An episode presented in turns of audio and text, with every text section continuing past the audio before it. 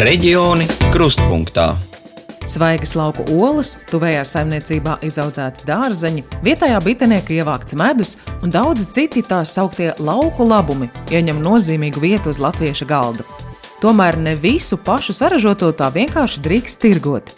Nepieciešams iziet dažādas pārbaudes un saņemt atļaujas. Un galu galā, vai pircējs dos priekšroku vietējo zemnieku produktam, nevis lielveikala atlaižu precei, un kā mairažotājiem pircēju sasniegt. Par to šodien plašāk raidījumā stāstīšu es, Solvita Stara, un mans kolēģis Oskars Brasliņš no RTV.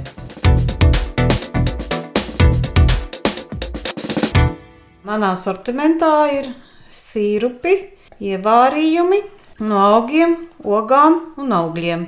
Pārsvarā produkcija top no tā, kas izaug savā dārzā un uh, laukos, kur ir dārzs mammai. Stāsta mairažotāja Zita Petrusseviča no Valmieras. Pirms trim gadiem draugu mudināta viņa savu hobiju cienāt ar pašas taisītiem gardumiem pārvērta ražošanā, dodot savai produkcijai devīzi garšpilnai dzīvei. Tu jau ražot vari tāpat, bet uh, tas ir savām vajadzībām un draugu vajadzībām. Ja tu tur jau tālāk gribi tirgoties kaut kur, tad tev ir jāreģistrējās gan vidā, gan PVD. Nu, tā kā es jau vidā biju iepriekš reģistrējusies, tad es pieregistrējos PVD. Un tad ir nu, tās prasības, kas jāizpilda. Nu, man bija primārais uh, ūdens analīzes, jo nu, es izmantoju to ūdeni produkcijas ražošanā un tā tālāk. Tad, protams, jāsakārto visas telpas, kur, kur tu ražosi, kā tu ražosi.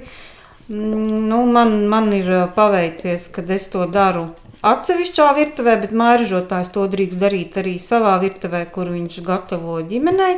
Tikai viņš to nedrīkst darīt vienlaicīgi. Ar, nu, tad, kad viņš ražo produkciju pārdošanai, viņš nedrīkst vārīt zupu, piemēram. Tad ir jāiziet ir tie minimālās higiēnas tie kursi, tas ir visiem pārtikas ražotājiem. Tad PVD ir tādas vadlīnijas katrai tur atkarībā no tā, ko tu ražo, un tur ir viss sarakstīts. Apmēram tu vari izlasīt, kas tev kā ir jādara, kā tu tur ražo tur sīrupu, kā tu tur ievārījumu, kādas tev tur temperatūras jāievēro, glabāšanas temperatūras. Tas tās vadlīnijās ir, tad ir tā, tas paškontrola vēl ir jāraksta. Tāds žurnāls jāuzraksta. Zita atzīst, ka birokrātijas, lai varētu savu produkciju sākt tirgot, ir salīdzinoši daudz. Es to nezināju, bet var vienkārši ieiet PVD mājaslapā. Var, var vienkārši pazvanīt uz PVD. Viņi tev izstāstīs atkarībā no produkcijas, ko tu ražo, kas tev ir vajadzīgs. Ja tu sāc interesēties, tad informāciju var atrast. Var pajautāt kādam jau, kas ar to nodarbojās. Es tā vismaz darīju. Kas ir vajadzīgs? Ko prasīs, ko neprasīs. Un es tā darīju.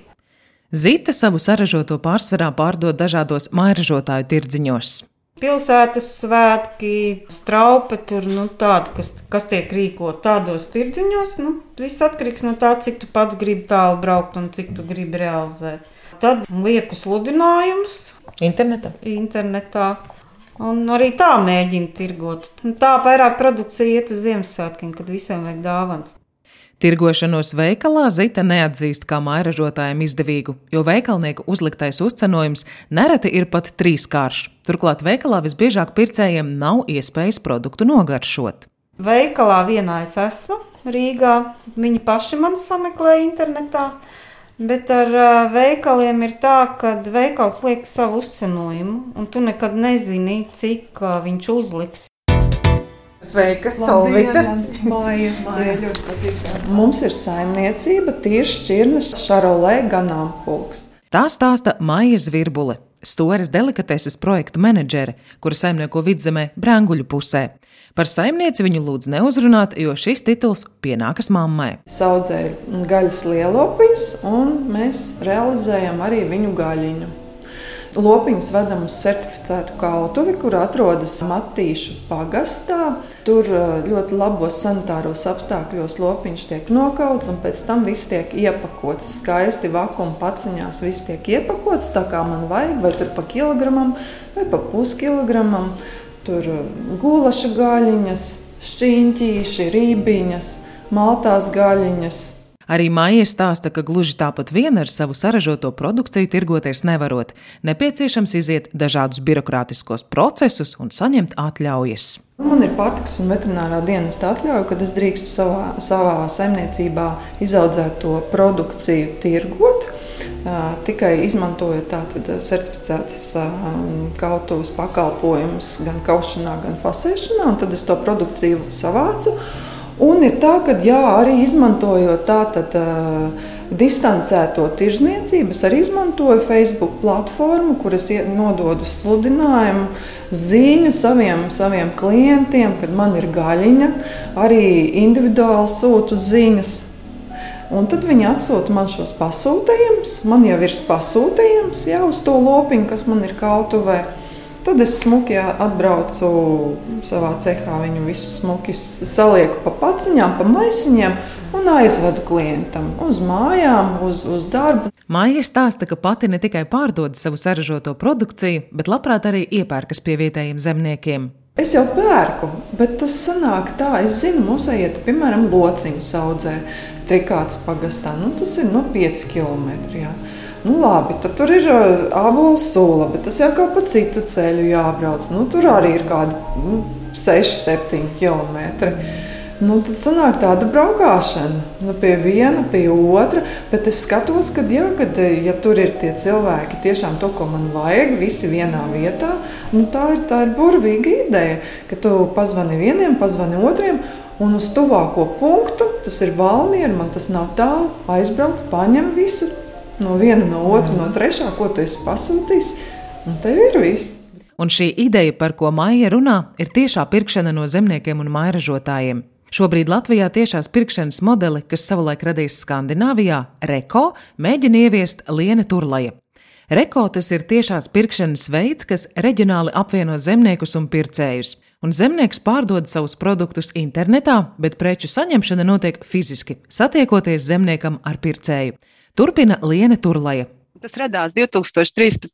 gadā Somijā. Tur bija mazs zemnieks Tomas Nelmans, kurš bija aizbraucis uz Franciju un ieraudzīja, kā Francijā zemnieki pārdod patiešo produktus ģimenēm, pircējiem.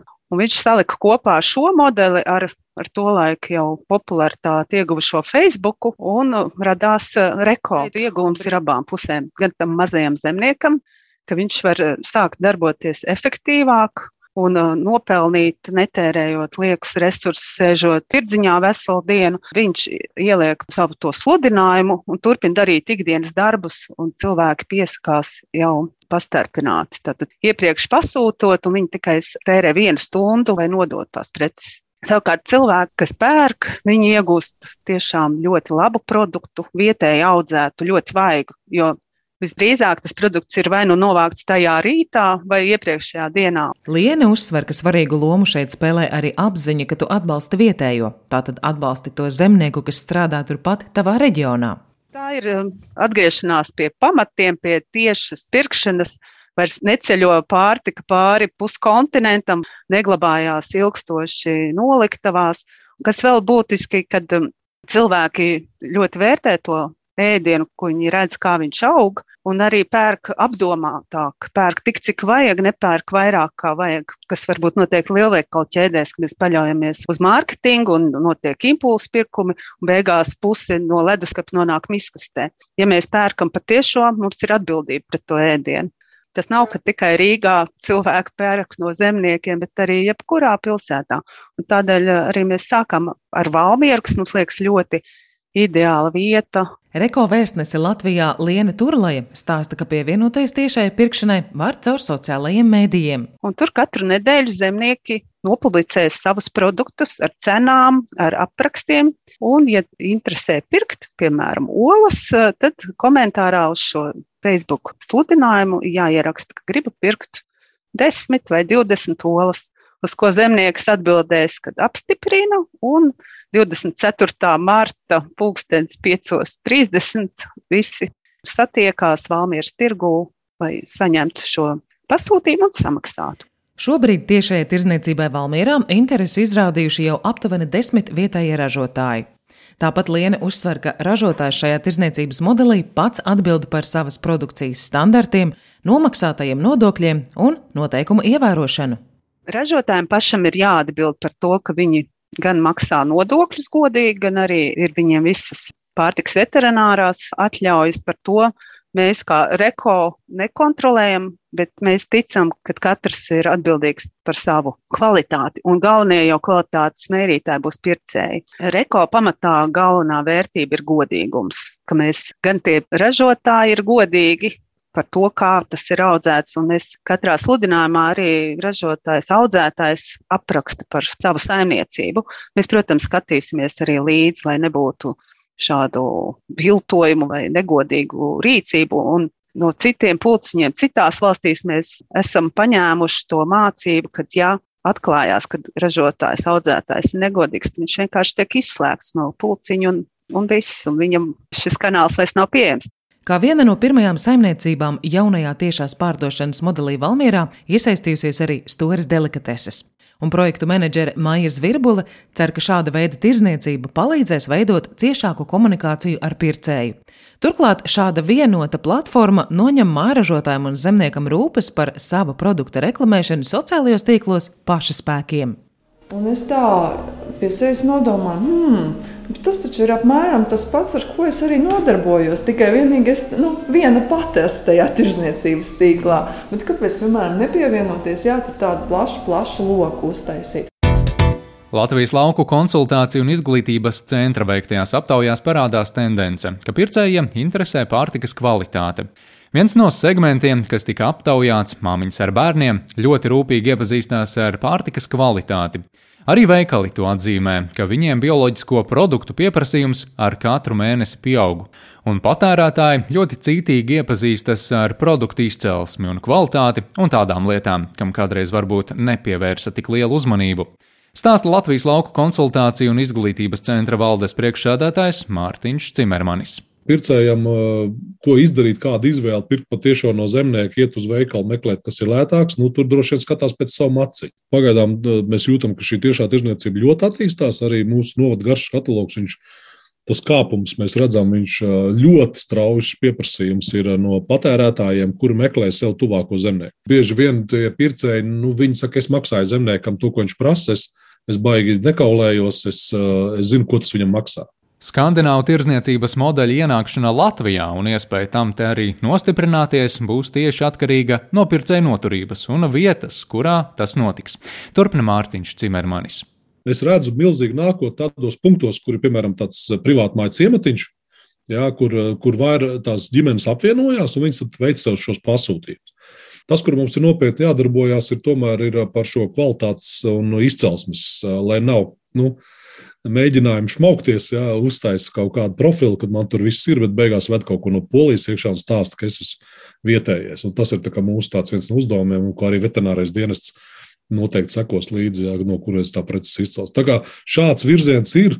Bet arī tas patērētājs, es zinu, ka Rīgā droši vien tas strādās, jo viņi spēs pirkt. Valmjerā ir vajadzīgi, nu, Valmiera ir tomēr tas lauku reģions, tur apkārt ir ļoti piesātināts. Valmiera ir īpašs reģions, kur ir ļoti labs piedāvājums ar ar labiem restorāniem, ar labiem gaļas piedāvājumiem un tam līdzīgi. Jā, līdz ar to jautājums, kurš tad ir tas pasūtītājs tam grozam, kurš, kurš ir to izdarījis. Bet jā, šī opcija par īsajām, elektroniskajām piegādēm, precēm, es, es to redzu ļoti lielu nākotni. Nevelti mēs arī tādā virzienā ejam. Un īpaši es teiktu, tas ir mazo zemnieku uh, iespēja. Ja man ir prece un, un loģistikas sistēma, ja es uh, saražoju nelielu apjomu, kvalitatīvu preci, nogādāju savam pircējam ar starpnieku palīdzību, Un pats var tajā laikā darboties ar savām ikdienas lietām, savā saimniecībā, nevis tur sēdēt tirdziņā. Tā, tā ir ļoti perspektīva. Es domāju, ka tas tikai attīstīsies. Kāda reģistrācija vai dokumenti jākārto, lai mazais zemnieks, mājražotājs pārdod savu produktu, piemēram, dārzeņus? Stāsta pārtikas un veterinārā dienesta pārtikas izplatīšanas uzraudzīšanas daļas vadītāja Tatjana Marčenkova. Viss ir atkarīgs no normatīviem aktiem un no produktu veidiem, ko viņš vēlas realizēt tiešajā tirzniecībā, tā saucamā gala patērētājam. Jo ir vairāk normatīvie akti, viņi ir pieejami gan e, mūsu mājaslapā, gan arī Zemkopības ministrijas mājaslapā. Līdz ar to teiksim, ja mēs runājam par augu izcelsmes produktiem, tur ogas, dārzeņi, augļi, tad tur nelieliem apjomiem nav jāreģistrējās nekur, bet viņiem ir jāreģistrē tos daudzums, ko viņi izaudzē un ko viņi realizē. Tas ir noteikumos šajos te. Taču, ja mazais zemnieks vēlas pārdot ar dzīvnieku valsti saistītus produktus, tad dokumentācija ir nedaudz sarežģītāka. Rolas, gaļa, ja piens, svaigpiens, tad viennozīmīgi, lai šo te varētu realizēt nelielos daudzumos, ir jāsaņem atļauja no pārtikas un veterinārā dienesta, jo tas ir atkarīgs no tā putnu ganāmpulka, no to dzīvnieku ganāmpulka skaita, jo visai tai darbībai arī jābūt, nu, sāksim ar to, ka tas ganāmpulks ir jāreģistrē. Pārtikas veterinārais dienas neiebilst pret šādiem pulciņiem. Tas nozīmē, ka viņi sazināsies konkrēti ar konkrētu zemnieku, mairažotāju, un e, noteiktajā laikā piegādās šos produktus pēc pasūtījuma gala patērētājiem. Pirmo reizi mums šitā pulciņa parādījās gadi desmit atpakaļ. Tas nav nekas jauns, bet uh, tas ir jādara prātīgi, atbilstoši normatīvu aktu prasībām. Tikmēr uzrunātie vidzemnieki atzīst, ka vietējos produktus šobrīd visbiežāk iegādājas Valmieras un tuvējo pilsētu tirgos, un priekšroka tiek dota tuvākās apkārtnes zemnieku audzētajai produkcijai - olām, dārzeņiem, gaļai. Ir viena problēma tā, ka uz tirgu ir jādod vairākas reizes, jo ne visās dienās šis sortiments ir pieejams. Vienu dienu viens zemnieks bet to sestdienās, kad ir lielāks piedāvājums, tad atkal ir atvests kas cits. Tāpēc ļoti uh, veiksmīgs bija risinājums savulaik Smiltenē, kas gan, diemžēl, dažādu juridisko aspektu dēļ izbeidzās, bet mēs varējām nedēļā reizi pieteikt savu, savas vēlmes visiem apkārtējiem zemniekiem. Un konkrētā dienā varējām doties uz tirgu un saņemt savu pasūtīto produkciju, kas saucās tiešās piegādes uzņēmējdarbība. Jā, mēs diezgan regulāri pērkam vietējo zemnieku produkciju pērkam sezonas augļus, dārziņus, ogas, gaļu, olas. Piena produktus nepērkam no zemniekiem, tos vairāk tomēr veikalā. Olas mēs pērkam no pazīstamiem zemniekiem vai no zināmas saimniecības, kas pieved nu, līdz mājām. Gaļu mēs pērkam tikai lielopu, tikai no konkrētas zināmas saimniecības, kur saimnieki mums ir pazīstami personīgi. Dārzeņus sezonā mēs pērkam pārsvarā tirgū. Vispār esmu pasūtījusi arī šo internetu veikalos no vietējiem zemniekiem, piemēram, pākšaugus no konkrētas saimniecības vai miltus. Man patīk, ka šādā veidā es atbalstu ar savu maciņu vietējo zemnieku. Un man ir ļoti ērti, ja man kāds piedāvā atvest līdz mājām, protams. Um, tad man ir svarīgi tas, ka tirgu ir lielākas iespējas nopirkt uh, preci bez iepakojuma. Un kā var secināt, cilvēkiem iegādāties zemnieku un mairažotāju produkciju interese ir, kā būtisks faktors tiek minēts, lai produkti būtu svaigi, dabīgi un ar skaidru izcelsmi. Tomēr nereti cilvēki vēlas arī atbalstīt tieši vietējos zemniekus un ražotājus. Aizvien vairāk arī paši mairažotāji un zemnieki ir gatavi savu produkciju pircējiem piedāvāt tā teikt pa tiešo, jo tad ir vieglāk saprast cilvēku vajadzības un arī ceļš no dobes līdz galdam samazinās.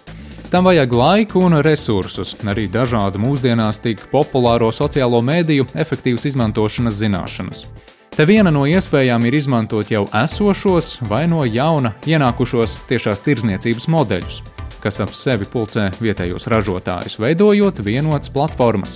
Valmierā no Skandināvijas pārņemtais tiešās tirzniecības modelis savu darbu uzsāks tikai martā, tāpēc par tā efektivitāti un pircēju atsaucību secinājums izdarīt vēl pāragri. Es esmu Oskars Brasliņš, un šo raidījumu kā Latvijas Rādio 1 pasūtījumu veidoju kopā ar RTV žurnālisti Solvitu Staru. Nākamajā raidījumā kolēģi no Latvijas Rādio Latvijas studijas pētīs, kā atšķiras jaundzimušo pabalstu apmērs dažādās Latvijas pašvaldībās un ar kādiem nosacījumiem jārēķinās, lai šādu pabalstu varētu saņemt. Reģioni krustpunktā.